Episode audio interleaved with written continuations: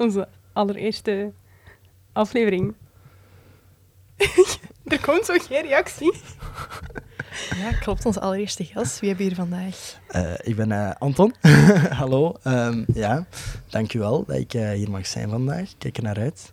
Ja, begin misschien eerst eens met jezelf even kort voor te stellen aan onze luisteraars. Ja, voor de mensen die weten wie ik ben, leuk. Um, voor de mensen die niet weten wie ik ben, ik ga me dan even kort voorstellen. Um, ik ben Anton. Ik ben ook wel bekend als Erix, een DJ en producer uit België, uh, van de kust aan Knokken. Ik uh, ben 20 jaar, ik word er 21 binnen een paar maandjes.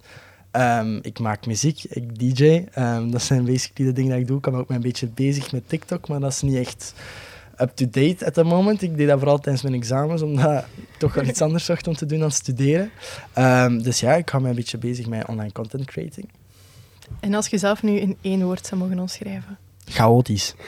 Ja, dat is, echt een dat is echt een drama bij mij. Ik ben echt de persoon die zo een half uur voordat ik uh, ergens naartoe moet nog helemaal mijn planning omdraai. En er zijn bepaalde mensen die daar wel zot van worden, waaronder mijn mama. Ja, dat hebben we gemerkt. ja, dus sorry mama. Als je dit aan het luisteren bent, mama, dat is niet mijn bedoeling om elke keer mijn planning om te switchen. Maar uh, soms uh, heb ik ook wel een paar chaotische vrienden, maar nu. en uh, ja, die, die zorgen wel een beetje mee voor die chaotische planning. Echt al aflevering 1, we zijn twee minuten ver en uh, we zijn al, we al namen aan het noemen. Ja, ik, uh, ik ga er misschien wel nog een paar noemen. Sorry, Sorry Manu. nee, Erix, van waar komt Erix? Um, het zijn meerdere mensen die me die vraag stellen en ik weet niet of dat een goede uitleg is of niet, maar ik ga even nu eens heel eerlijk zijn. Um, ik ben eigenlijk met de naam Ethics gekomen voordat ik de uh, uitleg daarachter heb gevonden. Dus um, ik heb, ik weet niet, misschien zijn er mensen die dat niet weten, um, maar ik heb vroeger nog um, mijn eerste jaar of mijn eerste anderhalf jaar dat ik draaide, Nee, ja, ik, ik heb misschien weten toen ik 12 jaar was. 12 jaar, ik kom net van de, van, de, van de basisschool. Toen noemde ik mezelf DJ Famos. Dat was, dat was, ik dacht dat is een leuke naam, maar ik was DJ Famos. Maar dat was zo de tijd waar iedereen gewoon DJ Anton of DJ Xander was, snapte zo. Niemand keerde daarom. En dan in het tweede middelbaar heb ik mijn naam veranderd naar DJ Antone, om zo'n beetje meer in de, in de richting van mijn naam te werken. Maar dat, dat bekte niet goed, vond ik. Dat was zo'n beetje... En dan spraken heel veel mensen me aan met Antone. En daar werd ik echt heel zot van. Ja, dat, dat, dat ging niet. En dan uiteindelijk heb ik zo geswitcht naar een, naar een, een iets meer Engelse naam, Edix. En dan... Ja, ik dacht gewoon, de A van Anton, dat klinkt wel nice. En Edix, ja, dat, dat is kort, krachtig, snapte? Dat is iets dat je kunt herinneren. En dan daarna vroeg iemand aan mij, van waar komt die, uh, van waar komt die naam? En ik heb gewoon uit het niets addiction gezegd. Addiction to music. Ik heb dat gewoon verzonnen op de spot. En sindsdien als mensen mij vragen waar komt die naam, zeg ik addiction to music. Dus, Wel uh, mooi. Het is een klein beetje een lange uitleg, maar ik hoop dat Chaotische uitleg ook weer. voilà, exact. Ja, ik ging zeggen, hij maakt zijn naam wel alweer waar met chaotisch. ja, nee, dat is echt een probleem.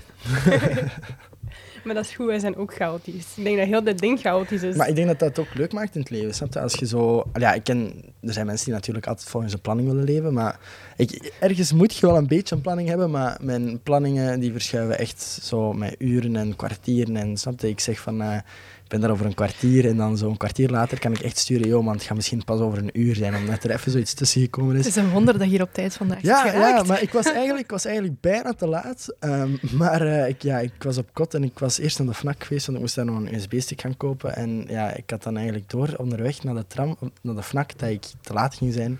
En dan heb ik online even gecheckt en ze hadden die USB-stick niet eens. Dus dan ja, heb ik gewoon de tram teruggenomen naar mijn kot en ben naar hier gekomen. Dus eigenlijk geluk ben ongeluk dat ik hier ben. Rix heeft eh, een druk semester gehad.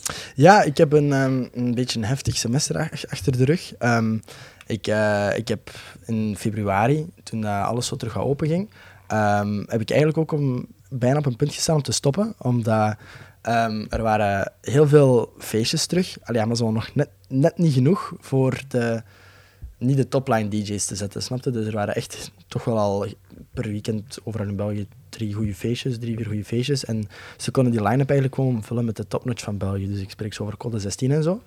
En ik kreeg bijna niks op dat moment van, van die periode, kreeg ik bijna niks van boekings binnen. En dan heb ik op een gegeven moment gedacht van ja, misschien blijft dat zo. En misschien is het einde hiervan. En, en gaat er een nieuwe DJ-crew zijn die, die België op zijn kop zet. En dan eigenlijk midden uh, februari Um, we begonnen dan wat meer boekings te krijgen, maar zo van die all-nighters in Overpoort en in, um, en in Knokken.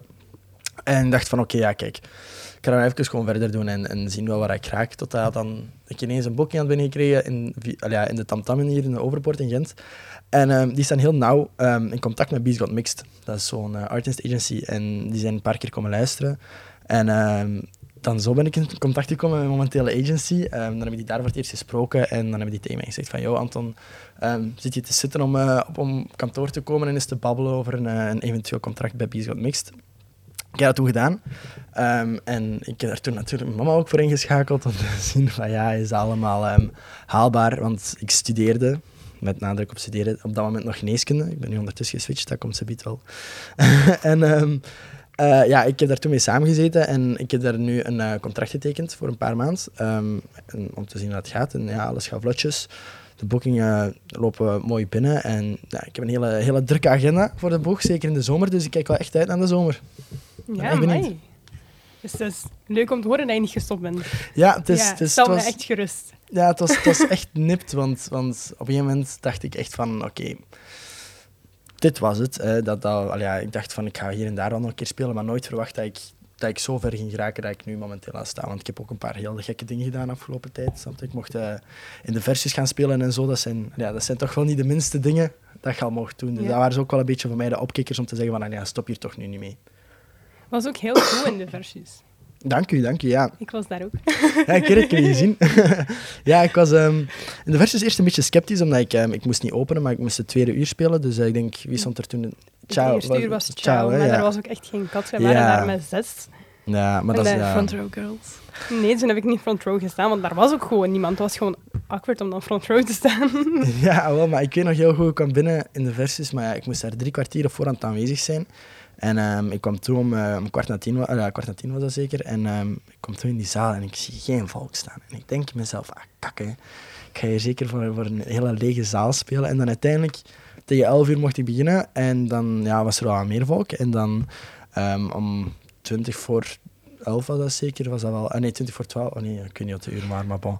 20 voor ik moest stoppen was het wel echt een volle ketel. Dus ik heb wel echt genoten van mijn setje daar. Echt iets van de bucketlist af te kunnen vinken. Dat is wel een droom dat waar komt natuurlijk.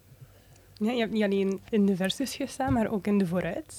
Ja, dat is ook een, eh, zo een, een, bij mij een beetje een lijstje met allemaal dingen dat ik, ehm, dat ik kan afvinken. Want eh, ik weet nog heel goed, toen ik ehm, vroeger zo 14, 15 jaar was en zo een beetje bezig was met draaien hier en daar, maar nog niet echt feestjes deed, ehm, dat ik heel veel van die aftermovies van die studentenverenigingen, ehm, dat ik die heel veel opnieuw bekeek. En dat was in de vooruit toen, dat was in de Cocorico, dat waren zo allemaal de grote klussen van buiten. En ik weet nog dat ik daar toen naar keek en dat ik echt keek naar die DJ's op die aftermovie en dat ik dacht van, amai, dat moet toch echt cool zijn om daar te mogen staan en zo te viben, snap je? Want ja, je denkt dan altijd van, ik ga gewoon, ik ga daar misschien later ooit kunnen staan, maar ik ga zo'n uur krijgen van 10 tot, eh, van 10 tot, tot 11, snapte?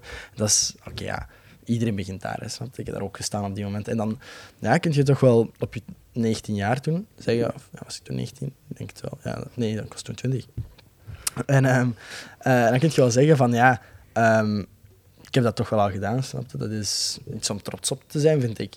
Ja, sowieso. Allee, als je zegt van ik wil bijna gaan stoppen naar dat. Ja, dat wel, dat wel. Maar ik heb, eh, ik heb daar ook heel veel voor aan te danken aan mijn vrienden. En, want al ja, je, leert ook van elkaar heel veel. En ik kan zeggen dat door met zo'n entourage om te gaan van allemaal vrienden, zoals ehm, eh, Jasper, Hide and Seek, eh, Creator, Voltrek, Manu, eh Lennart, snap? Dat zijn allemaal mensen binnen dezelfde genre.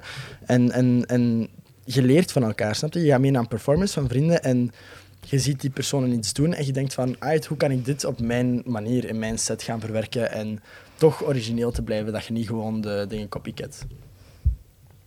Ja, ik denk wel dat je, dat je ook echt heel mooi tussen dat plaatje past. Als wij nu zien waar, waar dat jij zo tussen staat, dan we ook wel zoiets van oké, maar hij zit wel echt op zijn plaats en hij voelt hem daar goed. En Ja, ja dat, is, dat is wel. Ik voel me wel echt goed binnen, binnen het, het genre waar ik nu in zit. Want ja, ik, ken, ik ken heel veel mensen, ik wil nu geen namen noemen, maar het zijn toch wel een paar DJ's die op zich echt geen slechte DJ's zijn, die echt goed kwalitatief kunnen mixen, maar die soms zo geboekt worden op feestjes waar ik dan van denk van wa- waarom zou je die persoon neerzetten? Snap? Er zijn mensen binnen hetzelfde budget die meer zijn toegespitst op het publiek, Wel ja, dat, dat van een bepaald genre houdt.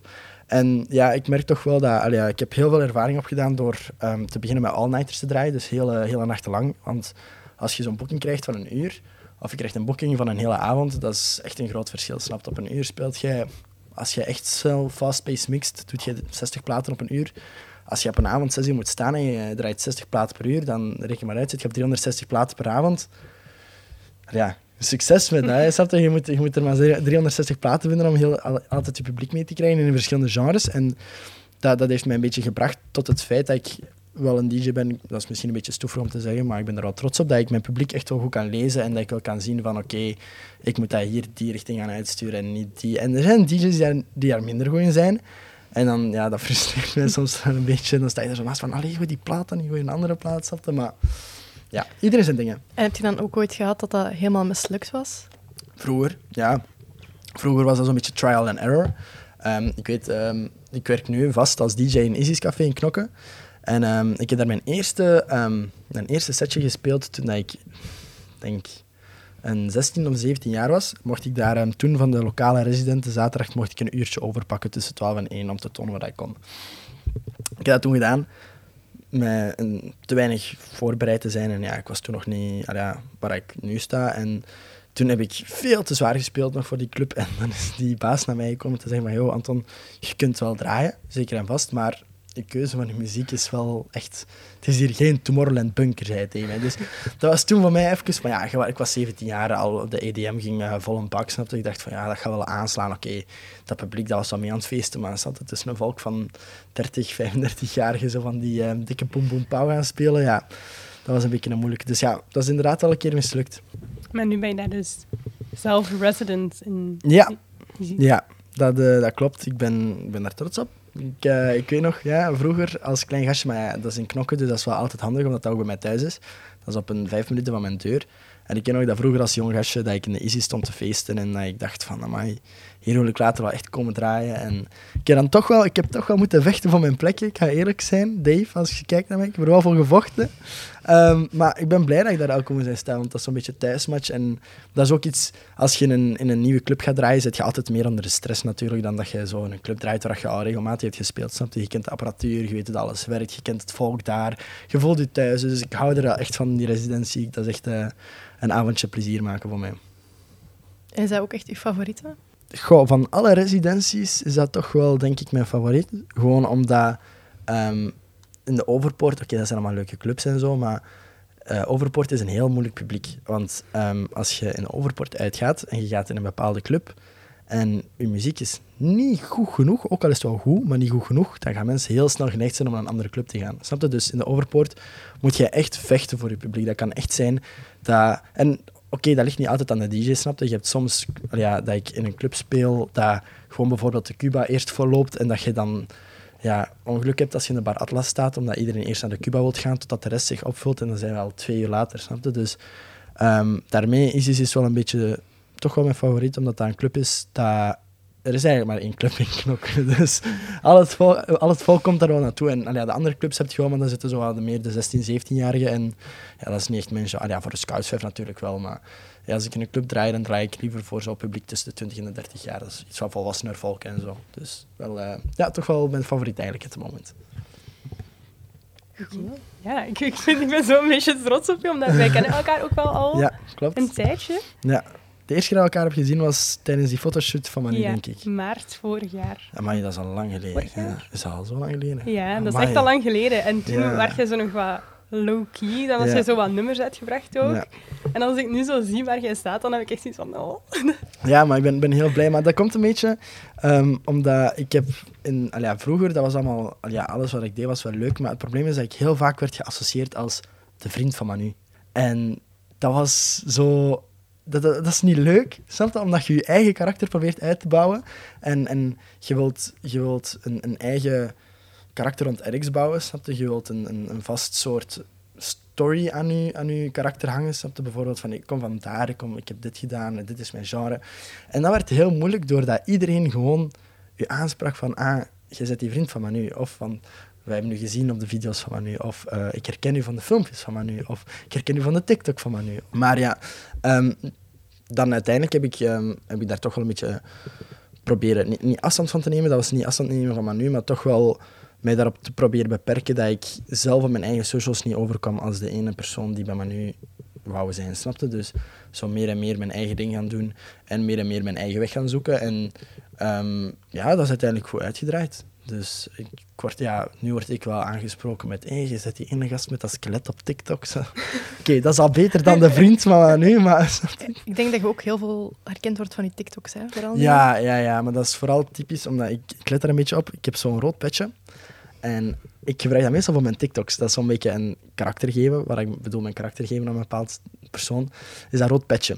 En als ik met dat rood petje ergens door de straat loop, dan, herken, dan zie ik heel vaak blikken, zo, zo een keer zo kijken, zo weg, en zo terug nog eens kijken. En dan merk je gewoon dat rood petje, dat doet wel iets. Dus ja, veel van mijn, ehm, van mijn ja, veel mensen herkennen mij wel via TikTok, eigenlijk meer dan mensen die zouden zeggen van, ah, dat is een DJ. Dat is wel grappig. Die zeggen zo heel vaak van, ah, je bent toch eh, TikToker, hè? ja, nee, eigenlijk ben ik een DJ, maar voor u ben ik een TikToker dan. Dus het is hier eigenlijk mijn TikToker in plaats van mijn DJ. Blijkbaar wel in sommige ogen, maar in mijn ogen ben ik nog liever eh, DJ en producer dan, uh, dan Hm, Wil je TikToker. daar ook wel verder mee gaan met die TikTok? Of zeg je van nu geen corona, geen examens, ik focus mij volledig op het DJ'en? Ehm, ik, ik denk eerlijk gezegd dat TikTok een beetje niet aan zijn einde is gekomen, maar toch wel zijn hoogtepunt heeft gepasseerd. Omdat ehm, je moet het allemaal een beetje heel relatief bekijken. Ehm, toen dat wij heel lang binnen zaten door corona, iedereen zit op zijn gsm. Snap je? Je kunt, je, kunt niet, je kunt niet naar buiten gaan, dus je gaat op je gsm zitten, op social media kijken waar de andere mensen aan het doen zijn. Ook al doen die mensen niks, snapte.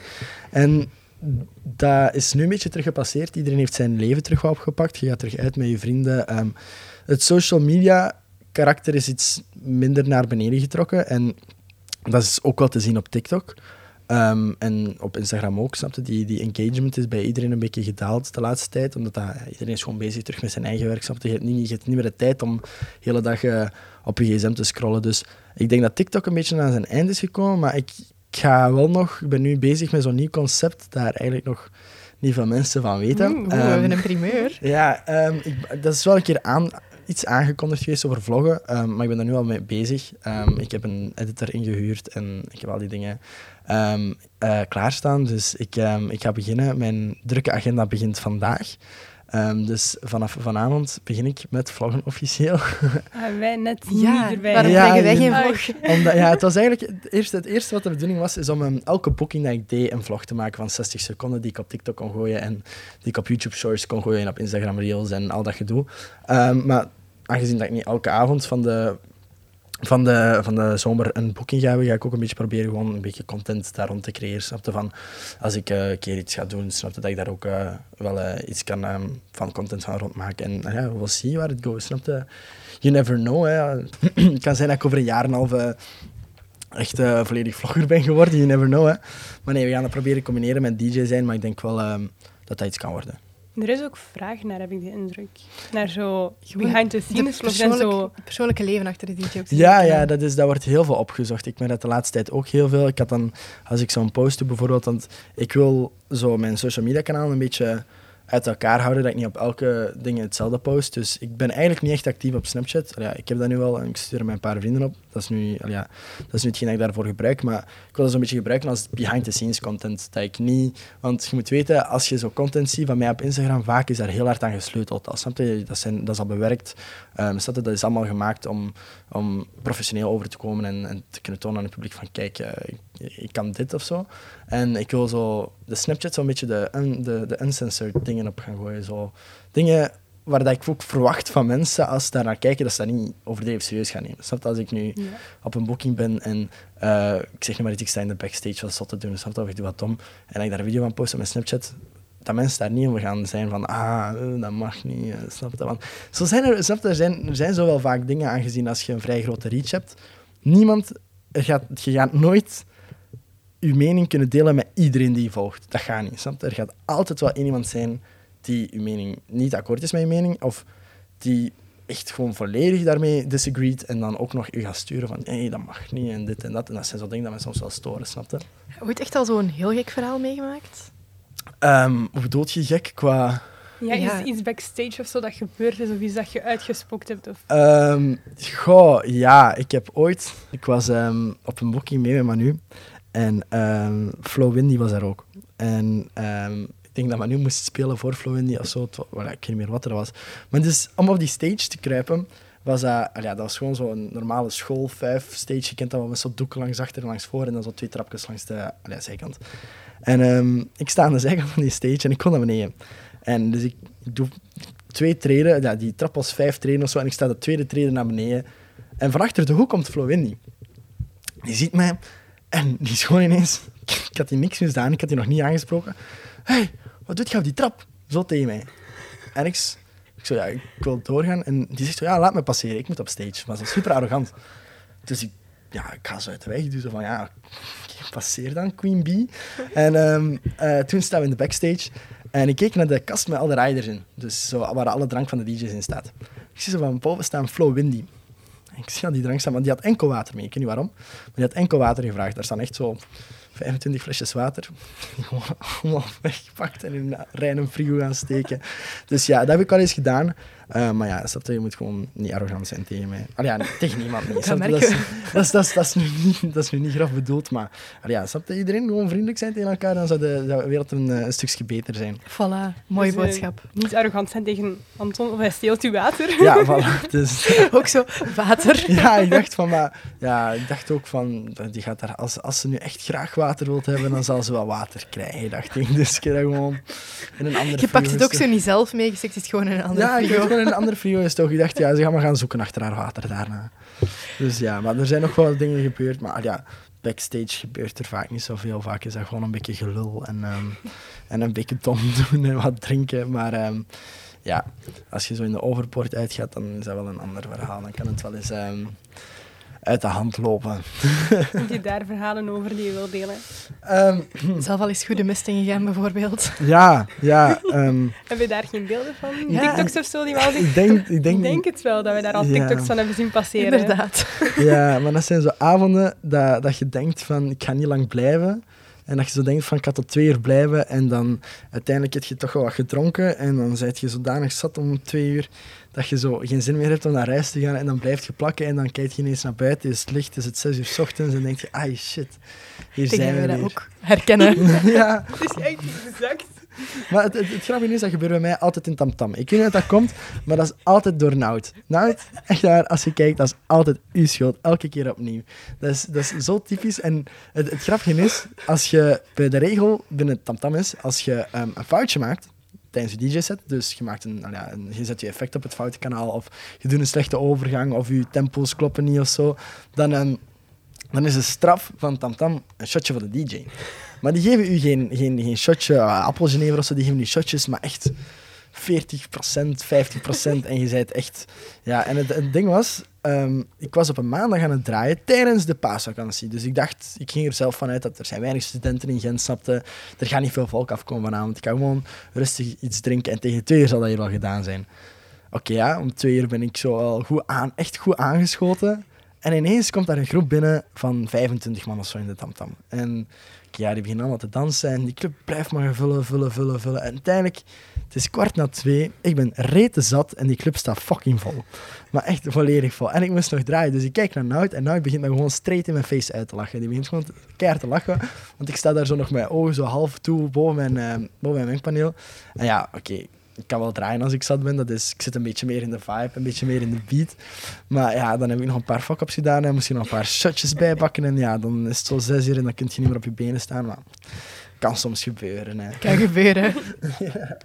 Ik wist dat niet van die shotjes. Ik vind, dat vind ik nu wel grappig. Ja, dat is wel een leuk verhaal. Wist je dat niet? Nee? Nee, dat is, dat is, echt, dat is echt waar. Als Gaan we je, op letten de volgende keer. Ja, maar ja, als DJ kijkt hij daar niet naar uit, want die shotjes zijn echt... Ik, ik weet niet wat is dat... Ik zou het echt eens moeten vragen, maar er is zo één... Maar ik denk dat over het het algemeen... ligt, hun- echt, het ligt niet aan Nee. u, want wij gaan ook heel vaak naar Tantam. Mhm. En wij herkennen echt de verhalen die jij vertelt.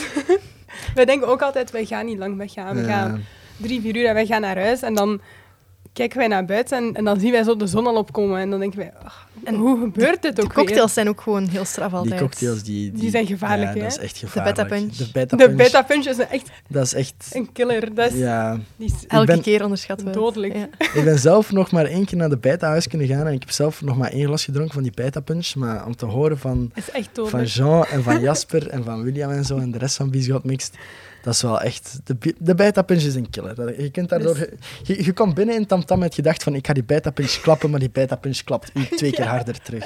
Dat is echt... En gingen, ik denk, ik- de derde beta-house of zo, zijn wij ook geweest. De vorige zo, Beta House. iedereen is hier zo bezig over die beta-puntjes. We gaan dat een keer proberen. Hè? Ja. Wij kunnen dat wel aan. Wij gaan regelmatig uit. Wij drinken regelmatig cocktails. Wij kunnen dat wel. En ik denk dat wij twee bekers gedronken hebben en wij waren fataal. We waren oud. Ja, dat, dat, is, dat is echt ongezien hoe hard dat die klapt. Ik weet zelf niet. Ik, ik heb gevraagd wat het recept was, want ik, wou, eh, ik stuurde een bericht naar Jean. Ik zei, joh, wat zit er allemaal in? En eh, die stuurt in die groep van, eh, ja, dat mag, niemand, dat mag door niemand geweten zijn. Dus die zei gewoon, heel veel alcohol. Ja, ja. Maar Ja, echt, dat is zit wel heel veel alcohol in. Maar iedereen, iedereen daar, van, iedereen van Beast God Mixen zal een keer de mist in met die, met die Beta House Punch. Jean, geef ons alsjeblieft het recept. ja, we fixen dat. ja, We deze, fixen dat. deze donderdag is er weer een Beta House. Dus ehm, als jullie willen, eh, je kunt je nog een paar keer voor 10 euro, twee bekers. 1, 2, 3 en je zet... Wij zijn eh, aanwezig. wij zullen er zijn. Je zet Maar- toasted.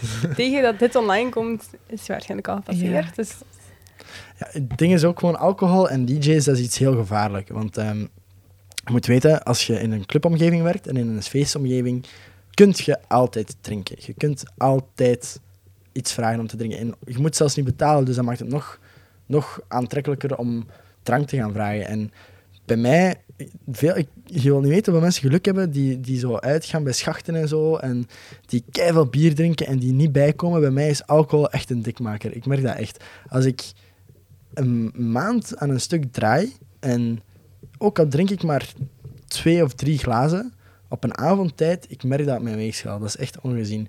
En dus ik probeer zoveel mogelijk avonden te beperken zonder alcohol. Dus ik heb nu voor deze zomer ehm, een regel opgesteld bij mij dat ik maar twee avonden van de eh, vijf dat ik in de week zou moeten werken, ehm, eh, niet, eh, dat ik maar twee avonden wel drink. Dus ja, anders denk je dat ik echt een alcoholieker ben. Maar ehm, ja, twee avonden van de, van de vijf dat ik wel drink. Dus dat is wel nog... allee, ik vind het nu niet... Ik ben toch geen alcoholieker? nee, nee, nee. Zeker. Ik vind dat, Nee. ik vind dat heel Dat is een mooie omdat- regel dat je dat voor jezelf kunt stellen ook. Ja, omdat iedereen er ook altijd van uitgaat dat je als DJ Drinkt. zot veel drinkt en dat Ja. je altijd naar je boekingsladder zat zit en, en Ja. zo'n dingen. Dat is wel het imago dat nu wel gewoon een beetje rondhangt. Hè, van oh, DJ's. Ja, maar ja, je, je wilt niet weten, als je een avond draait, hoeveel mensen dat er je ook een glas alcohol willen aanbieden, snap je? En als ik, ehm, je hebt zo de casino in Sint-Niklaas, waar ik wel regelmatig draai, daar gebeurt dat echt heel veel, maar het ding is dat ik daar geen slaapplaats heb, dus dat ik altijd nog naar huis moet rijden. Dus ik drink dan ook gewoon volledig niks, of één pintje in het begin. Als ik moet beginnen om, om, om tien uur of zo, dan drink ik misschien een pintje, of, of ja, dat zal het zijn, niks zwaarder. En dan, ja, snap je, dan drink je voor de rest gewoon water of cola zero, of eh, I don't know, of een Red Bull voordat ik moet vertrekken. Maar hoeveel mensen dat er dan aan nu komen vragen, ah, we moeten een pintje hebben, we moeten een glas vodka Red Bull hebben, snap? En dat je dan elke keer nee moet zeggen, dat, ja, dat is ook niet nice? Want die mensen die willen iets aanbieden. En, en jij wilt dat, je vindt dat wel, wel show, maar je, kunt moeilijk gaan drinken en driven. Dat is echt iets waar ik ehm, volledig, maar echt volledig tegen ben. Als mensen drinken en rijden, dat kun je bij mij niet rechtvaardigen. Ik heb één keer, één keer zelf die fout gemaakt. Allee, ja, niet, niet meer, ik, was, allee, ja, ik was nog jong. Allee, ja, jong. Ik was, denk dat dat drie jaar geleden is.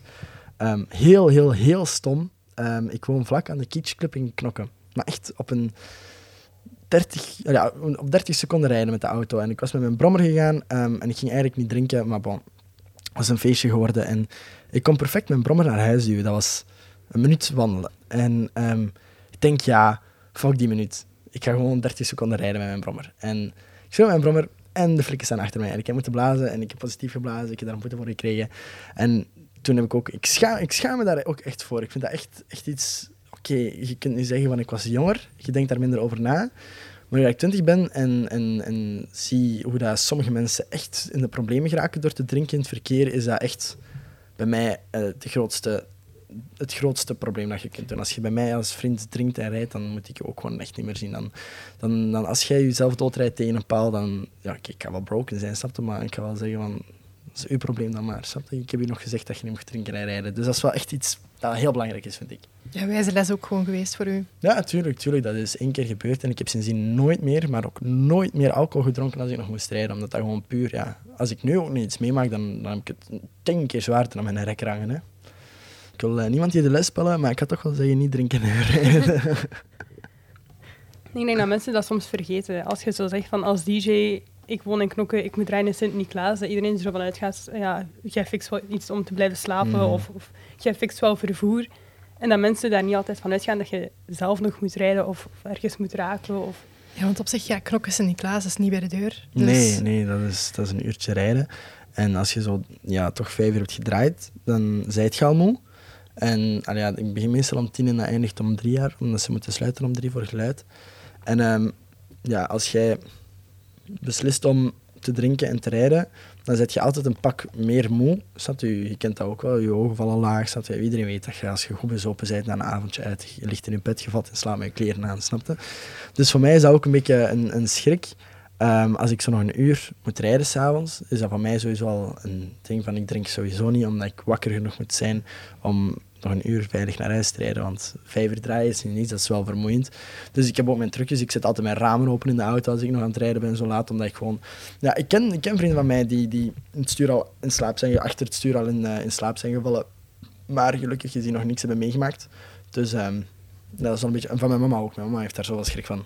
Dat is echt grappig. Ah, ja, schattig. Ik Is denk als mama, als je dan zo je zoon ziet vertrekken naar Sint-Niklaas voor zo heel de nacht te gaan draaien, dat hij ook wel gewoon echt bezorgd is, maar ook wel trots. Ja, soms, mijn ouders zijn daar wel... Mijn mama is iemand, een heel bezorgd type. Ehm, maar ik, ik ben ook gewoon zo iemand... Ik, ik wil die bezorgdheid zo wat wegnemen door vaak gewoon... Dat is een beetje een slecht eigenschap van mij. ehm, door gewoon wat minder te zeggen, dat zij wat minder weet. Dat zij haar minder zorgen kan maken over dingen. Maar dat maakt haar juist nog meer bezorgd. Omdat ze dat weet dat ik zo'n dingen dan niet zou zeggen. Dus ik ben er zo'n beetje aan het werken om toch wel heel transparant te zijn aan mijn mama. Naar mijn papa ook toe, maar mijn papa is iemand die, die, die, die cared daar iets minder om. Snap je? Die, ehm, die, die is heel trots en zo op wat ik doe en, en, en die ziet mij ook heel graag en ik heb een heel goede band met mijn papa. Maar die, die trekt daar zeg, iets, iets minder van aan. Snap je? Die denkt wel, hij zal zich wel Ja. redden. Ze is daar ook veel mee bezig, met en Ehm, alles rond. Ze zijn daar zelf niet veel mee bezig, maar ze zijn wel trots daarop. Ehm, zeker en vast. Ehm, maar ik heb eigenlijk nog mijn ouders nooit echt meegenomen naar een, een feestje waar ik heb gespeeld. Ehm, ik ging die meenemen naar de Versus, maar ja, de Versus is niet dicht bij mijn deur. Dat is twee uur en half rijden als je, als je file hebt. Dus ik neem nu eigenlijk, eh 2 juli heb ik een eh, vrij groot event in Knokke. Um, Nuit de la Tentation, dat is van zo'n een eh, Leuvense studentenclub, denk ik. En eh, die organiseren een vijf voor het, ja, ik denk toch wel een 1500, 2000 man. eh, in, op het strand zelfs in Knokke. En eh, mijn ouders zijn thuis, dus ik heb ook gewoon gezegd tegen mijn ouders, kom, mee met mij. En, dus ja, nu neem ik ze eigenlijk mee voor de eerste keer om, eh, om te Oh. komen kijken. Maar ze hebben wel al livestreams gezien en video's en zo, dat zien ze allemaal passeren. Dus ze zijn wel trots.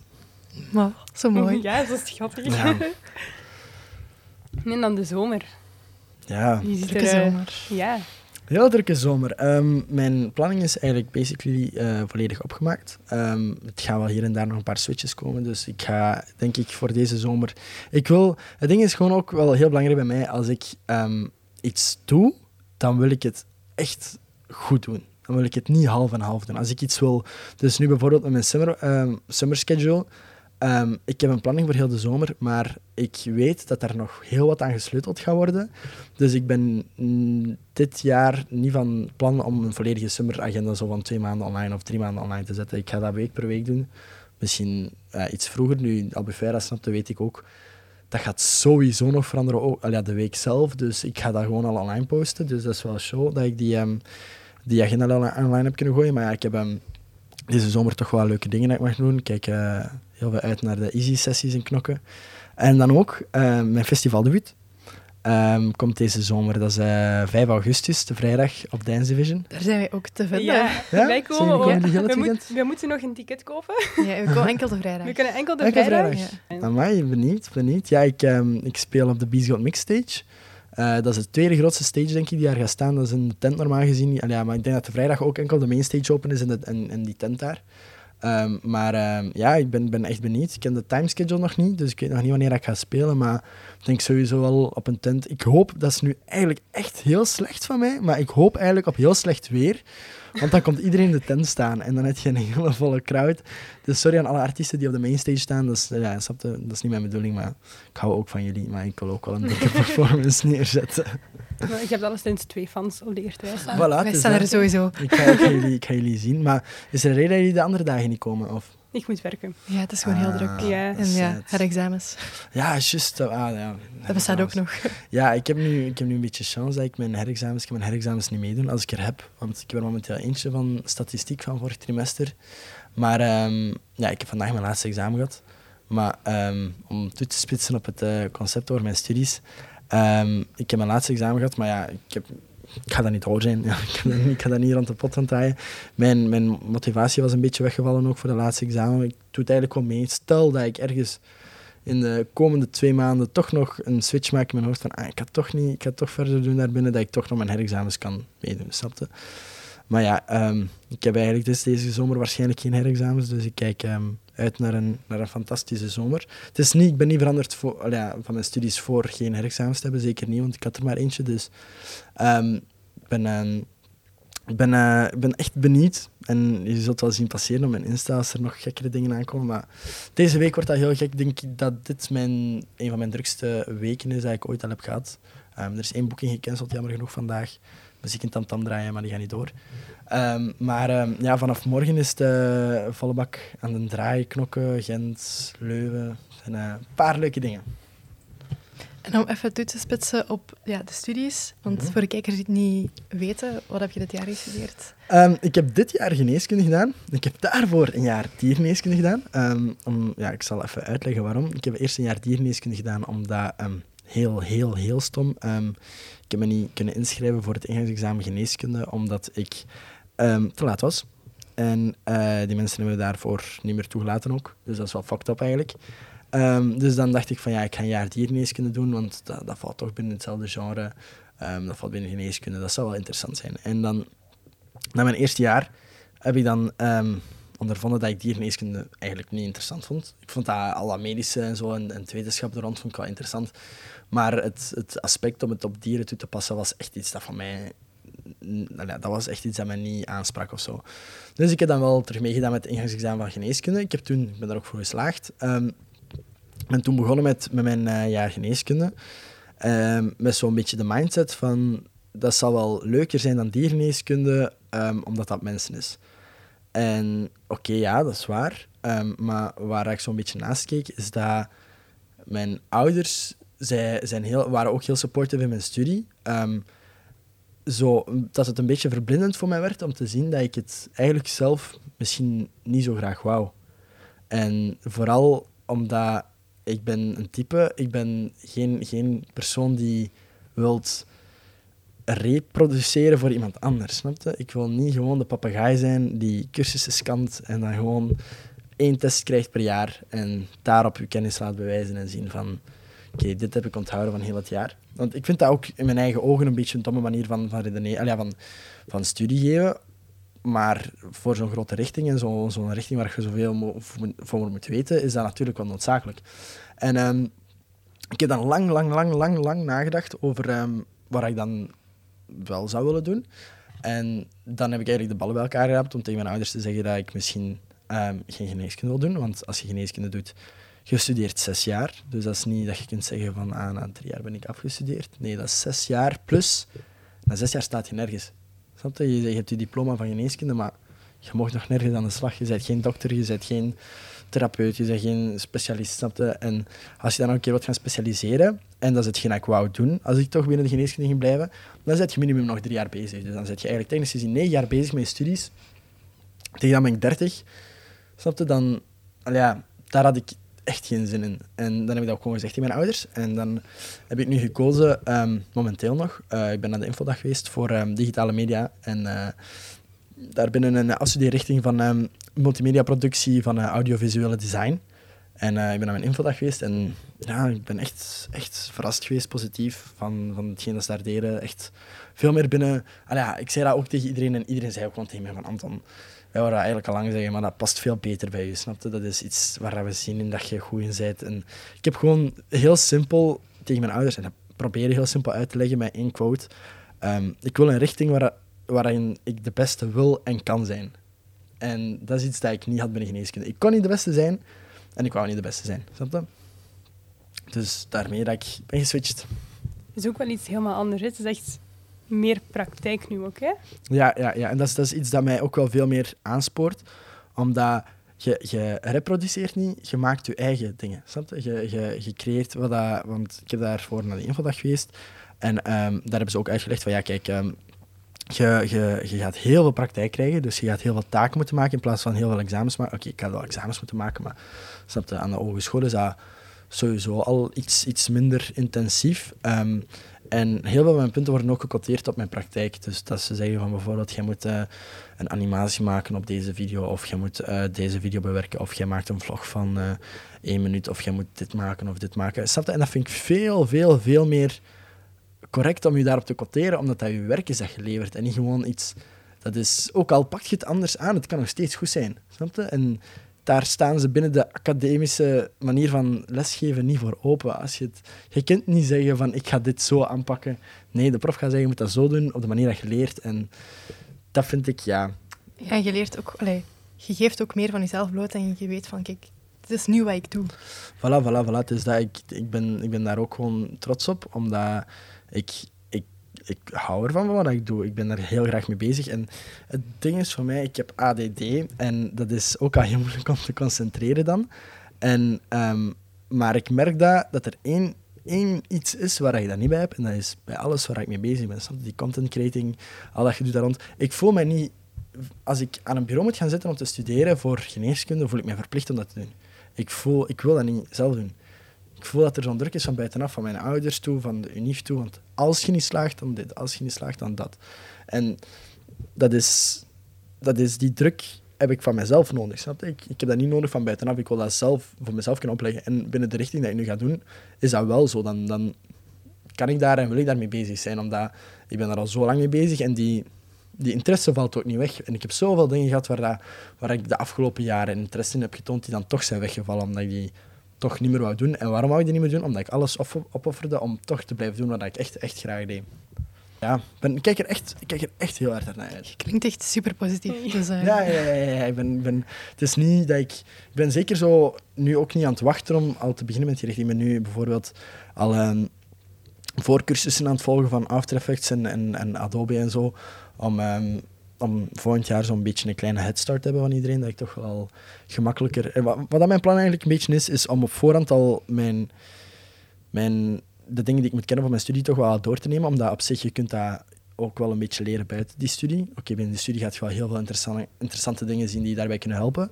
Maar om eigenlijk mijn taken bijvoorbeeld dan, die ik dan bijvoorbeeld moet maken, veel efficiënter en sneller en correcter te kunnen maken dan zo in het begin van het jaar te sukkelen met al die nieuwe dingen. Dus, daar- Zoals je daarnet zei, van ik wil de beste zijn erin. Voilà, exact. Voilà. Dus, dus dat, dat komt eruit. Ik wil de beste zijn erin. En ik kan er ook misschien de beste in zijn. Dat denk ik momenteel toch. En oké, ja, als dat niet gaat, zo wat. Dan, kan, dan wil ik misschien nog steeds de beste zijn. En wie weet, raak ik er dan wel. Je straalt heel veel motivatie uit en dat is wel mooi. dank je, dank je. Ja, ik hoop dat mijn ouders ook kijken. Want, eh, maar ze zien ook wel heel veel motivatie. Mijn ouders hadden een klein beetje schrik in het begin van, eh, van mijn nieuwe richting. Maar ik ben dan naar die infodag geweest. Ik heb dan eh, een brochure naar mijn mama getoond. En ze was dan toch wel eh, positief verrast om te zien wat je er allemaal later mee kon doen. En ze zei van, ja, ik zie je dat ook wel eh, doen. Dus ja, denk dat het Dat is het ding met zo'n opleiding. Ik heb journalistiek gedaan aan Artevelde. Mhm. Dat ligt daar heel nauw bij. Mhm.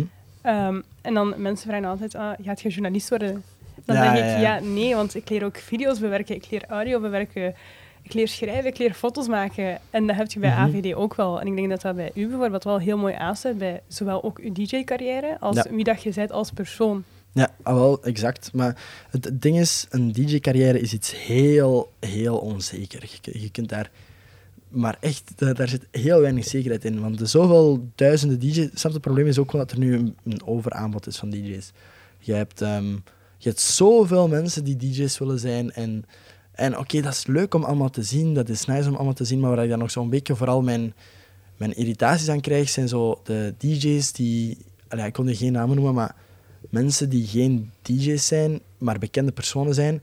En daaruit die carrière van die bekende persoon DJ nog wel willen bijworden. Dat is iets dat mij volledig, maar echt volledig niet ligt, omdat ik dat een beetje arrogant vind. Van geef die plekken toch af aan de mensen die veel, veel meer ge- gedreven zijn om dat DJ's te zijn, te doen, dan het zo van die mensen die bijvoorbeeld, ik zeg nu maar iets, eh, een bekende zijn van tv of zo, en die daardoor gaan draaien. Dat vind ik zoiets van, doe dat dan niet. Ja, als je er niet voluit voor gaat, dan... ja. Voilà, voilà, dat vind ik een beetje, beetje ja, een moeilijke. Ik ga zien waar we het al allemaal over gehad hebben. Hè. Dus over de Ja. zomer, Mhm. de vooruit en de versjes. TikTok. En eigen muziek. Dat is ook nog een ding waar ik nu mee bezig ben. Ehm, ik, ben ik was zo'n beetje aan het twijfelen eigenlijk om een alter ego te creëren. Dus ehm, een tweede artiestennaam ehm, met daaronder een, een ander genre. Want ik ben zelf een, een, een beetje een fan van geen, geen zware IDM of zo, maar toch wel, ja, ik weet niet of jullie bekend zijn met Stamped Records, het label van Martin Garrix. Toch wel binnen dat genre. Eh, die muziek, dat is iets dat mij heel erg... Ik vind dat heel cool om dat te maken. Ik vind dat echt... Dat zijn altijd bangers, dat zijn echt harde, harde, harde muziek. En ehm, ik ben zo'n beetje aan het kijken om... Ik wou geen, heb ik nu toch besloten om geen alter ego te maken, om- maar toch wel misschien... ehm, misschien komt er een, eh, een albumtje aan ehm, met zo'n platen. Eh, maar dat is zeker nog niet voor nu. eh, maar daar wordt momenteel aan gewerkt. Ik heb nu denk ik al bijna drie platen volledig afgewerkt. Maar ik heb die ook nog aan niemand laten horen, want ik wil in één keer heel dat album aan, iedereen kunnen laten horen. Dat ze zo in één keer dat al mijn vrienden zo gewoon even heel... Want ik wil zo'n beetje een, een story creëren in dat album. Want er is heel veel, er is heel veel gebeurd de laatste tijd dat in mijn leven, je, ook privé. Ehm, dat zo toch wel een, een, een storyvertelling rond kan zitten. En ik wil dat een beetje doorpushen met zo wat platen die in een volgorde staan van wat harder naar niet harder, naar iets meer agressief, toch ook wel misschien nog wat emotioneler, snap je? Dus daar ben ik ben daar echt wel mee bezig. eh, maar dat is nog niet voor nu. Dat duurt wel, snap je, tegen dat je acht, negen platen hebt afgewerkt, dan zit wel al een tijdje bezig. Dus, eh, maar ja, dat, is- dat komt er zeker aan. En ik ben nu ook wel... ehm, ben, ik heb eigenlijk een beetje opgepikt van eh mashups terug te maken. Ik heb dat vroeger heel veel gedaan, maar zo... ehm, nooit echt serieus aangenomen, allee, serieus aangepakt. Dat was zo een beetje gewoon meer voor de lol. En ehm, je hebt zo'n programma, Hype Edit noemt dat denk ik, van Soundcloud. Ehm, dat, is niet van Soundcloud, dat is zo'n ander bedrijf, maar je kunt daarmee je muziek dat jij uploadt op Soundcloud, kunt jij toestaan om gedownload te worden door een, een ander bedrijf. En ehm, dan moeten zij bijvoorbeeld, voordat zij muziek downloaden, moeten zij bijvoorbeeld een paar stappen doen. Eh, een comment plaatsen, een, een like geven, eh snap je, u volgen of zo.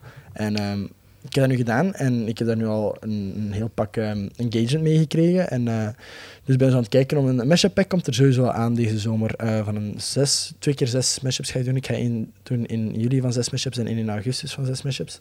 Ehm, die zouden midden juli moeten klaar zijn en midden augustus moeten klaar zijn. Ehm, en dan komt er een pakje van vrij. En eh, dat is voor alle DJ's. Als jullie dat willen, mogen jullie dat gebruiken. Als jullie dat niet willen, mogen jullie dat niet gebruiken. Maar je hebt natuurlijk ook je eigen songs nu al. Ja. Vertel. Ehm, ja, dat is allemaal een beetje ehm, heel snel gegaan. Ehm, ik heb mijn eerste song uitgebracht, Summer Nights, in ja, 2019 of zoiets, of 2018. Ehm, heb ik die eerste plaat uitgebracht. Maar dat was eigenlijk gewoon... Ik ben daar niet meer zo trots eigenlijk op die, op die plaat. Dat is zo... Ik was heel, heel snel content. Ja, ik weet niet of je dat misschien merkt aan die plaat, maar er is niet, niet echt lang aan gewerkt. Ehm, Het is ook niet met, met bepaalde gedachtegang ondergekropen. Dat is gewoon een plaat gemaakt. En ik had gewoon zoiets van, ik wil een plaat online krijgen. Ik wil dat, ik wil dat regelen. Dat komt professioneel over. ehm. Dus eh, ik heb die plaat dan gedropt. Nu, ehm, dan, dan na een eerste maand zelfs daarna, eh, hoorde ik van zo achter mijn rug, dat vond ik wel een beetje faux, dat mensen zo in hun gezicht de echte commentaar niet durfden zeggen. Dus ik vind dat ook, als ik aan iemand vraag voor uw mening, geef me desnoods die slechte mening. Dat is goed voor mij. Dat is, dan leer ik naar waar ik toe moet werken. Snap? Dan, dan, maak je progress. Maar als mensen elke keer als je een plaat doorstuurt zeggen van show, goed, nice gedaan, ehm, daar ben ik niks mee. Oké, dan kan ik gaan blijven verder werken in dat genre, maar als je tegen mij zegt van oeh, dat zou ik anders doen. En daarmee, dat, dat producers zoals Manu, die zijn heel sceptisch en ehm, die durven ook commentaar geven. Dus als ik naar Manu een plaat doorstuur, dan zegt hij van eh, Anton, ik zou dit aanpassen, je moet dat zo doen. Uh, desnoods, en desnoods zegt Manu van eh, kom even bij mij vanavond langs, dan fixen we dat samen, dan, dan toon ik je dat, dat moet. Want ik ben ook, ben ook geen, eh, geen god in producing, ik ben, ja, ik ben nu zeker ook geen noob, maar snap, er zijn zeker mensen die beter kunnen produceren dan mij en ik heb daar ook geen moeite mee om dat toe te geven. En, en dus ja, ik vind dat gewoon zo mooi van, van andere artiesten die elkaar helpen. En ehm, ja, dan ben ik na de eerste plaat ehm, terug geswitcht naar Next to Me. Ehm, dat was een heel ander genre. Maar funny story van die plaat, dat is beetje echt dat iets dat niemand weet, bijna niemand. Ja, dat zal ook wel een primeur zijn dat dat online komt. Jullie kennen Oscar Santos, Oski wel? Ehm, Oscar Santos en ik kennen elkaar al heel lang. Ehm, ik denk dat we elkaar nu al zeven of acht jaar kennen. Ehm, en wij zijn vroeger, toen Oscar nog net na zijn deelname aan The Voice... die heeft Oscar is nog meegedaan aan The Voice. voor als je die zou Vandaar ken ik eigenlijk al. Ah ja, wel, ik denk net na zijn opname, net na zijn eh, begin aan The Voice, heb ik met Oscar contact opgenomen. Ik was toen zelfs nog maar 14 jaar of zoiets. En dan, eh, hij was 12 of 13, denk ik. En eh, ik zei van, joh man, ik zie dat jij produceert, ik produce ook. ehm, misschien moeten wij eens iets samen maken, hè? En we waren nog heel jong, maar Oscar was heel, al ja, is heel getalenteerd. Oscar is echt... Ik denk dat Oscar een van de beste producers is die ik momenteel ken. Ehm, en ehm, we zijn dan aan iets begonnen en we zijn dan eh, een duo geweest, zelfs nog vroeger, onder de naam... Oh. Ja, we zijn een duo geweest onder de naam Entone en Osco. Zoals toen, toen ik jullie verteld heb dat ik onder de naam Entone heb gewerkt, dat was echt geen joke. Dan moet je eens googlen. Ja. Ja, ehm, er staan nog platen op Soundcloud van ons, echt waar, van vijf jaar geleden denk ik nu. Ehm, op zich wel echt niet slecht geproduced. Ehm, en ja, eh, dan heb ik met Oscar even samengewerkt. En dan hebben wij ooit, toen ik klein was, dat was, het was zo'n beetje eigenlijk... Ik kwam op met het idee, mijn chord progression en mijn melody. En ehm, ik het dan aan Oscar door. En Oscar die kon zich niet inhouden en die maakte daar een halve trek rond. En dan zei hij, yo, luister, dat is, ik vind dat wel echt hard. En dan zei ik van, yo man, ik wil verder werken. En dan hebben we ooit een, ehm, een nummer gemaakt. Toen noemde dat Feels. Ehm, en dat, eh, dat was het eigenlijk het, het, de basics voor Next to Me. Dat is al vier jaar geleden gemaakt geweest. En ehm, ik heb dan ehm, mijn oude laptop uitgehaald. ehm, en eh, ik heb dan eh, dat project teruggevonden. Ik heb dat terug geopend. Maar we hebben dat vroeger nooit uitgebracht. Waarom niet? Omdat dat toen was het zo... Martin Garrix was heel booming. En dat was een... Die track is wel nog helemaal aangepast geweest. dus Dat is niet meer recognizable. Maar daarvoor was een track dat heel hard leek op Martin Garrix. En wij hebben dat nooit uitgebracht omdat we dachten van... Deze track dit is bijna gewoon precies door Martin Garrix geproduced. En dat wouden wij ook niet. En dan hebben we daar stekker uitgetrokken. En dan zoveel jaar later dat ik dacht van... Ik ga deze terug onder handen nemen. Ik ga deze helemaal switchen. En eh, ik heb het dan helemaal geflipt. En ja, ik heb het dan uitgebracht. En ik, vond dat nog, ik vind dat nog steeds tot vandaag de dag een leuke track. Ehm, maar jammer genoeg niet echt professioneel genoeg geweest met de vocals. Dat is iets dat ik heb geleerd aan door Manu. Die zei tegen mij van, eh, schrijf je eigen vocals, um, huur een zanger in of weet ik veel wat. Dus ik ben daar nu ook mee bezig om ehm, veel meer mijn eigen vocals te maken. Omdat vocals zijn een heel belangrijk aspect van een liedje. Snap je? Dat zijn meestal de melodie dat iedereen meezingt. Of dat, dat is dus, dus wel echt iets dat je serieus moet aanpakken. En ik ben nu aan het kijken om, om met eh, mensen samen te werken. Maar dat zijn vaak mensen zo van overal ter wereld. Want ja, als je deftige artiesten wilt hebben die zingen, dat kost wel echt een hele flinke cent. Ehm, dus ik ben nu bezig met mensen vanuit Ierland en uit Zweden. ehm, om, ehm, om daarmee samen te werken en daarmee wat te schrijven en te zien waar dat we komen. Nice. Ja. Ik hoor heel veel toekomstplannen. Ja, er is een, dat is ook een beetje mijn, mijn plan, want ik, ehm, ik vind dat ik niet mocht stoppen bij geneeskunde zonder dat ik een duidelijk plan had naar de toekomst. Ik vond dat dat toch wel belangrijk was dat ik mijn, mijn keuze ging onderbouwen en dat ik, ehm, dat ik niet gewoon zou zeggen van ik stop met geneeskunde en ik zie wel waar ik. Snap je? Dat ik gewoon iets doen binnen mijn genre en ik, zie het wel. Dat was van mijn ouders ook not done, dus ik heb dan ook gewoon gezegd van ik heb dit voor ogen, ik heb dit voor ogen, ik wil dat gaan doen, ik wil op die manier gaan geld verdienen. Dat zijn allemaal kleine dingen. Ik ben nu zo ook aan het sparen voor, voor ja, gewoon, gewoon profitable businesses op te starten. Dat is ook iets, snap je? Ik ben heel ondernemingsgezind. Allee, dat blijft niet enkel bij DJ zijn, snap je? Dat, is, dat blijft misschien achter schermen, maar ik, ik heb ook even in crypto gezeten en zo en al die dingen. Dat zijn zo dingen die mij ook wel bij bezighouden. Maar momenteel heb ik daar niet echt al te veel tijd voor om me daarmee bezig te houden. En zeker ook omdat de cryptomarkt helemaal naar de grond is gezakt. Ja, ik denk dat niemand echt meer bij DJ alleen kan blijven. Dat er zoveel meer komt bij kijken. Ja, dat is... Mensen zeggen altijd van... Als ze horen hoeveel een DJ kost, van... Ah, wat? Je verdient eh, zoveel voor een uur. Ja, maar mensen begrijpen soms niet dat al, de, al het werk dat achter de schermen daarin krijgt. Snap je? Ik moet ook... Punt 1. Ik moet mijn koptelefoon betalen. Dat zijn dure koptelefoons. Je moet materiaal kopen. Dat kost allemaal heel veel geld. Je moet je muziek ook allemaal kopen. Dat kost ook allemaal immens veel geld. Je moet... Snap je? En dat zijn, ah ja, dat zijn domme dingen. Hè, maar ik heb mij onlangs nieuwe oordoppen laten aanmaken met van die in-ear monitors. Dat heeft mij 400 euro gekost. Snap? Dat is, dat is, dat is geen... geen dat is niet goedkoop, hè, Nee, allemaal. je dus, hebt ook altijd een crew die meegaat. Voilà. Hè? Een, een videograaf, een fotograaf. nee, ja. Ook gewoon de tijd die erin steekt, je voorbereidingen van je set. Voilà, voilà, dat is exact. En dan- daarmee dat ze in een club ook gewoon vaak je, je, je prijs veel lager is in een club als je een hele avond zet geboekt, omdat dat all-nighters zijn, dat je, je kunt geen all-nighter volledig voorbereiden, dat gaat niet, snap je? Dat is, maar zo uurboekings en zo op vijven, daar krijg je wat voorbereiding in, snap je? En ik vind dat soms wat kut om te zeggen, omdat mensen die daar niet veel van weten, die beginnen altijd te zeggen van, ah, jij bent dus eigenlijk geen echte DJ, jij maakt de mixen op voorhand, zodat je gewoon gezegd dat je een setlistje hebt gemaakt, dat, dat is, snap je? Mensen begrijpen dat niet, maar als je een muziekbibliotheek hebt, ik heb nu op mijn, al ja, op mijn computer staan er toch wel een 9000 nummers, als ik mijn USB daarin steek en tussen dat 9000 nummers, 60 nummers moet gaan zoeken die ik die avond wil spelen, dat is... Dat gaat niet, snap je? Dus daarmee, ja, daar krijgt wel voorwerk, al ja, voor, eh, voorbereiding aan, eh, aan te pas. Maar, ehm, maar ja, ik vind ehm, zeker, er zijn, er zijn ook boekingen geweest waar ik een videograaf mee had, een fotograaf mee had, al die dingen, dat ik zelfs die avond eigenlijk uit mijn zak ben nog moeten gaan bijleggen om, om de rest te kunnen betalen, dat ik niks aan die avond heb verdiend, snapte? En mensen zien dat niet, maar daar, ja, als je zo kijkt naar een, naar een, een aftermovie, als je een goede videograaf zoekt, dan zit je al zeker tegen een prijs van 400 euro of zo, snapte? Dus dat, zijn, dat, is, dat is echt allemaal niet goedkoop. Dat is wat mensen niet zien. Hè? Dus er komt zoveel meer bij kijken dan gewoon even een plaatje draaien. Ja, en, zeker, en zeker vervoersdingen daartussen, dat zijn ook zo dingen dat ze soms nog allee, ja, onder, onder ogen zien. Allee, en wat dat mensen soms niet goed, goed opmerken, is ook gewoon de uren waarin dat ik werk. Dat, dat is zo fysiek en mentaal belastend soms. Als je, je... Je kunt ook soms daar gewoon niet onderuit kruipen. Allee, dat is, als je gaat draaien in de Overpoort en je bent de laatste club die open blijft, dan staat je daar van 11 uur s'avonds tot 7 uur s ochtends. En als je al die ochtend dan daarvoor al om 7 uur s ochtends wordt opgestaan, zit je 24 uur wakker. Je hebt ook niet, het is niet, en als je dan hebt gedronken, zit je, vier, allee, zit je heel tijd aan het draaien geweest, je bent vermoeid. En dan naar thuis, snap je, tegen dat je in bed zit, is het 8 uur s ochtends en dan slaapt jij. Maar jij, ik kan, ik ben ook gewoon, dat ligt aan mij, ik ben niet een persoon die dan tot 8 uur s'avonds kan slapen, want dan is heel je bioritme gefokt. Dus wat ik dan doe, is meestal is mijn laatste uur dat ik wil opstaan twee uur in de middag, als ik zo'n late boeking heb gehad.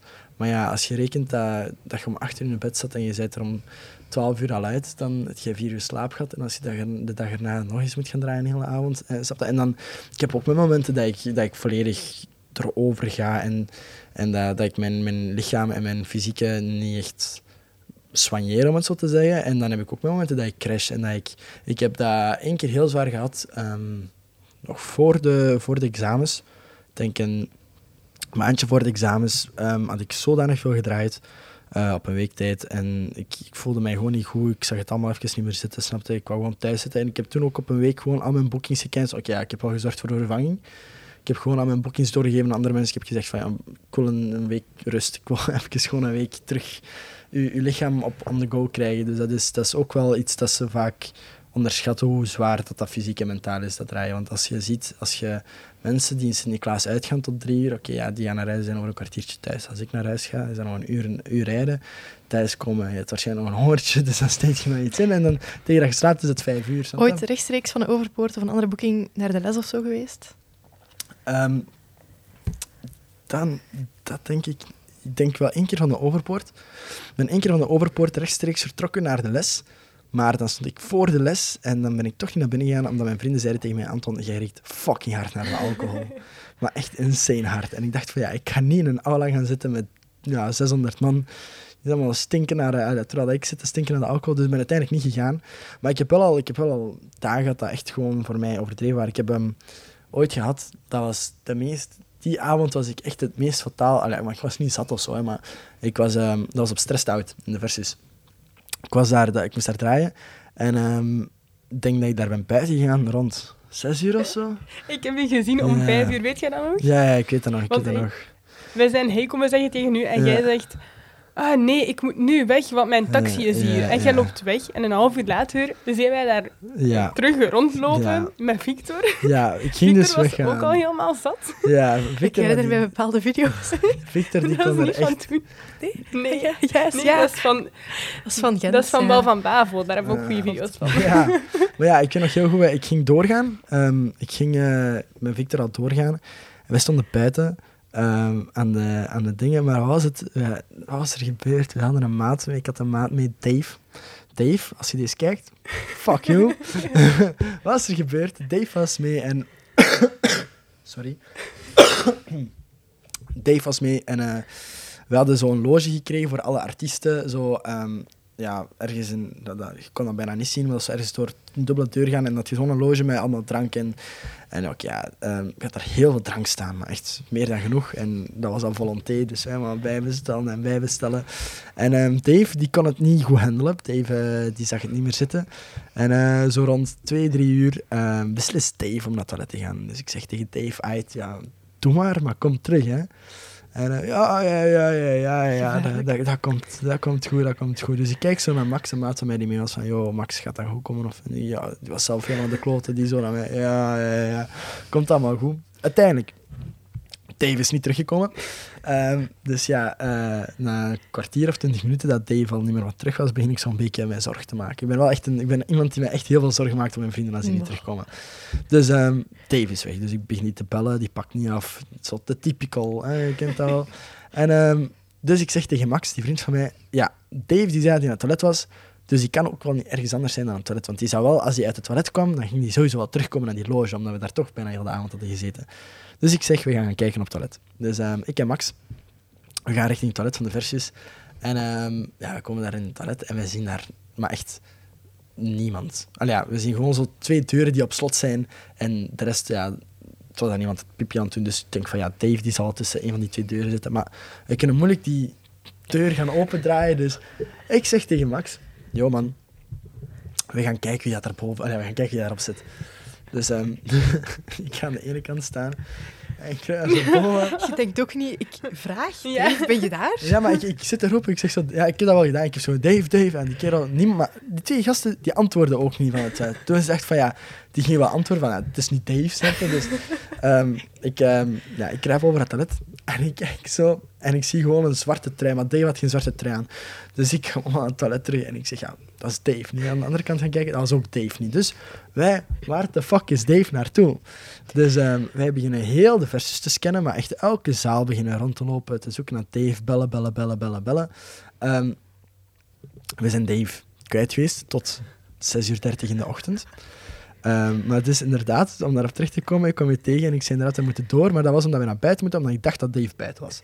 Wij dachten dat Dave buiten ergens was gaan zoeken achter ons. Dus wij waren naar buiten gegaan en um, ja, op dat moment dat we buiten zitten, wat doe ik? Dave is nog steeds spoorloos, Dave is nog al twee uur weg, twee uur, drie Dus ik begin me echt zorgen te maken. Dus wat doe ik? Ik denk van, ik ga het ziekenhuis bellen, kijken of hij daar is opgenomen. Dus ik bel, maar ja, ik bel, ik, bel, ik bel met mijn zatte botten naar het ziekenhuis. Ik zeg, ja, ja aangenaam, hebben jullie toevallig iemand met de naam uh, Dave uh, binnengekomen? Uh, nee, sorry, er is niemand binnengekomen onder die naam. Ik zeg, ja, ze vragen aan ons, is die vermist?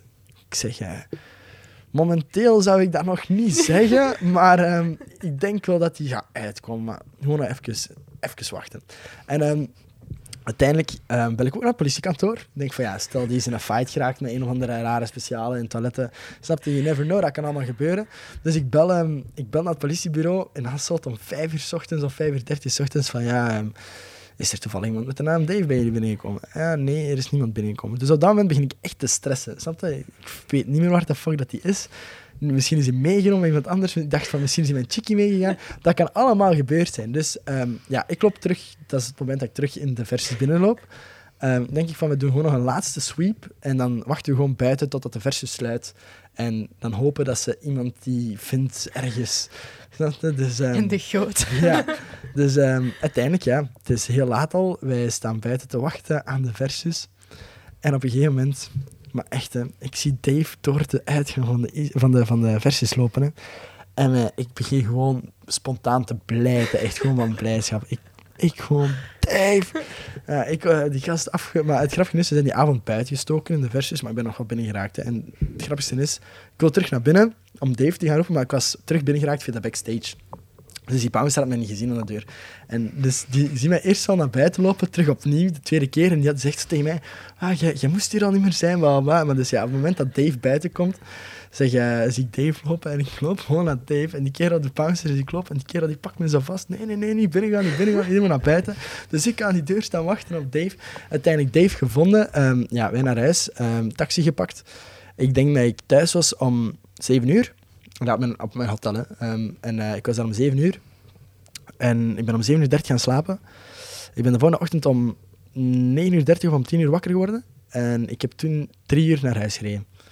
En Pittig. dat zijn zo de momenten waar je thuis komt na die drie uur van... Fuck, dit doe ik niet meer. En ja, nu ga ik vanavond weer naar de versus. Ik doe dit gewoon elke week opnieuw. ja, en dan met de Chainsmokers ben ik daar ook geweest. Maar ik vind dat gewoon zo'n zalige snap je? Dat is, dat is echt gewoon... Je zo, Ja, ik had u verwacht vrijdag. ja, ik, ik ging komen, ik had nog examens, dus ik kon dat gewoon eigenlijk Er technisch zijn heel veel mensen die gezegd hadden, ah, wij komen sowieso weer naar Out. Daar was geen kat, hè. Echt Nee. waar. Niemand was daar, hè. Ik weet gewoon, de vorige Stress Out was echt gewoon zalig, omdat iedereen van zo de vriendengroep was daar. Je hebt, je hebt. Jordi, je hebt, ehm, je hebt eh, Wintex, je hebt Gijs, ehm, je hebt Manu, snap je? En dat is, dat is gewoon altijd nice, want je komt toe, allemaal met een vibe en, en je, je, je hypt elkaar allemaal op voor je set en dat snap je? Je, je complimenteert elkaar naar je set en dat is gewoon, iedereen, iedereen is dan een pak contenter en, en, en blijer dan, dan als je zo een, een booking hebt waar je zo de DJ's voor je en na je niet kent en dat je dan zo enkel toekomt. Die vibe best ook niet altijd, snap je? En ja. Ik ben, al, ik ben alleszins blij dat ik er mocht spelen. Ja, ik denk dat het vooral voor u ook wel een heel mooie kans is geweest. Hè? Zeker, zeker, zeker. Ik heb daar ook heel veel mensen aan leren kennen. Mm. En dat is, ik denk dat ik op Versus een van de, van de ehm, meeste, de meest, ehm, ge, ge, ge, ah ja, hoe moet ik dat zeggen? De meest booking waar het meest lof voor was, om het zo te zeggen. Snap je? Waar iedereen echt wel zo was van, amai, chapeau. Snap je? Dat was ook zoiets waar mijn ouders van naar hun vrienden gingen van, hey, het het hoort Anton in de Versus draaien. Maar ik ken nog heel goed, ik was met mijn mama in de Ikea. En ehm, ik was eh, dingen voor mijn, voor mijn nieuw kot aan het uitkiezen. En ehm, eh, ik kreeg zo'n telefoon van Manu. Ik zeg zo, eh, yo man. En hij zegt zo van, eh, ja, alles goed. Ik zeg, ja, ja, ik ben in de IKEA. Ah, oké, ja, ik ga, je, ik ga je niet storen dan. Ik zeg, ah, ja, is er iets? Nee, nee, nee, nee, nee, nee, nee, het is, het is oké. En die legt gewoon af. Ik zeg, ah, wat? En dan zo een, eh, een, twee minuten later kijk ik zo op mijn gsm. Ik zie zo, eh, je hebt een berichtverzoek. Ik zo, wat? Ik open dat. Dat was Simon Corone, dat is de, de artistboeker van de Versus, denk ik toch, of de artistmanager van de Versus. En ehm, ja, die stuurde een berichtje van, yo Anton, eh, van alle stemmen die we hebben geteld, waar jij het meeste, waar is er het meest op u gestemd? En eh, we hebben nu ook een keer beluisterd en zo. ehm, en eh, ja, als je wilt draaien in de Versus, stuur dat nu presket door. En ik heb dan gezegd, komt eraan. en ik stond in de kassa aan de Ikea en ik was helemaal aan het trippen. En mama die zei, wat scheelt er, wat scheelt er? Ik zeg, ik wil in de fucking Versus draaien. Ja, en dan mijn mama zo, oh, zo Proud zo. moment. Ja. In de Ikea, een little bonding met mama. Ik zo, wat een verhaal ook weer. Al deze verhalen zijn Dit zo... verbaast Ja. mij ook gewoon niet meer. We zitten zo op een punt dat wij zoiets hebben van... Het kan, alles kan op dit Ja. moment komen. Ja, ik ben iemand die... Ik vind dat veel leuker om zo een, een verhaal met alle toeters en bellen te vertellen dan... Dan maakt het zo wat leuker. Dus ja, ik Ja. denk, ehm, ik denk dat we... We denk- zijn nu al een uur en twintig minuten aan het babbelen. Ik denk dat we heel mooie verhalen hebben. Mhm, Heel mooi. Dat is eh, echt een knaller om mee te openen. Hè. We hebben heel mooie dingen gehoord. Ook weer gewoon heel mooie quotes. Ja, ik ben, eh, ik ben echt een man van de quotes. ik heb echt, er zijn heel veel dingen die ik al heb gezegd in mijn leven waar dat de rest van mijn vrienden mij nog steeds mee kloten. Die elke keer eh, afkomen met... eh, ah ja, ja, that's what she said, I remember. En dan zit jij daar zo van... Ah, ja, ja, ja. En is er nog eentje dat je wilt delen met onze Ja. luisteraars? Ehm, ik heb ooit... dat, is, dat is iets vrij, dat is nog maar vrij recent, net dat vandaag was. Ik vond het heel grappig. Ik ga even iets, iets grappigs schetsen. Dat is ook een primeur dat waarschijnlijk niemand weet. Ik heb wel mijn gsm daarvoor moeten bijpakken. Oh, dit is een ehm, primeur. Mhm. Je kent Gijs wel, Wintex. en Victor Vico. Ehm, Ook gewoon al die combinatie. ja, het is een beetje... eh, wat is het ding? Ehm, Victor heeft een zus. En die noemt Emma. Emma is van het KGZ, hallo. En het grapje is... eh, en ik weet niet hoe dat, is begonnen, maar eh, we zijn zo'n beetje als vriendengroep zo altijd aan het commentaar geven op Victor van ja, je zus dit, je zus dat, snap je? Maar zo in een positieve manier, hè, om het zo te zeggen. En ehm, ja, Gijs, die had een keer, ehm, die had ook, die had zo eens gereageerd onder een story van Victor eh, en zijn zus, van, eh, wat had hij gestuurd? Van ja, ah ja, nu snap ik waarom dat iedereen zo over je zus praat. En ehm, dus ja, Victor stuurt dat naar mij door en ik moest daar keihard om lachen. En wat doet Gijs gisteren? Die post een, eh, een foto met zijn zus. En dus ik denk, ik ga daarop op reageren. En ik heb gestuurd naar Gijs. En wat praten over Vico zijn zus, maar die van u is toch ook wel een poezekes, hè?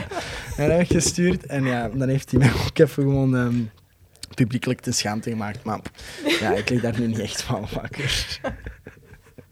Dus nu allemaal surfen naar die twee. Ja, voilà. Eh, Gijs, je zus, het is een knap meisje. Maar eh, geen stress, ik hou, ik hou mijn handen thuis. Dat hebben we op beeld en audio. Ja, dus niet zorgen dat er nooit een foto... Nee, nee, nee. Gijs, geen stress, geen stress. ik zou niet durven, man. Gijs zou met elkaar staan. Nee, nee, gaat niet. Victor zou nog proberen. Het zou hem niet lukken.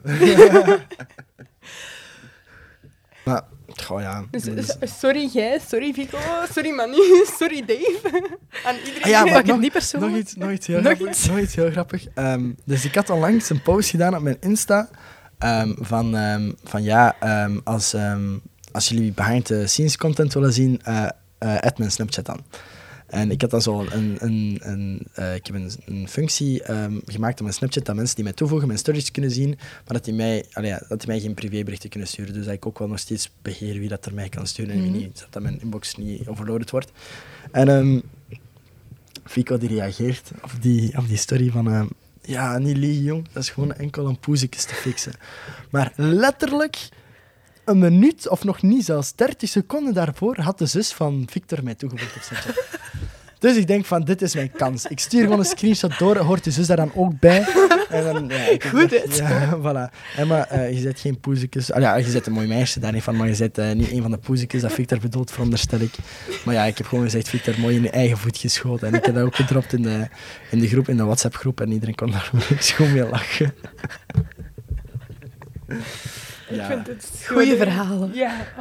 Ik- Dat zijn echt...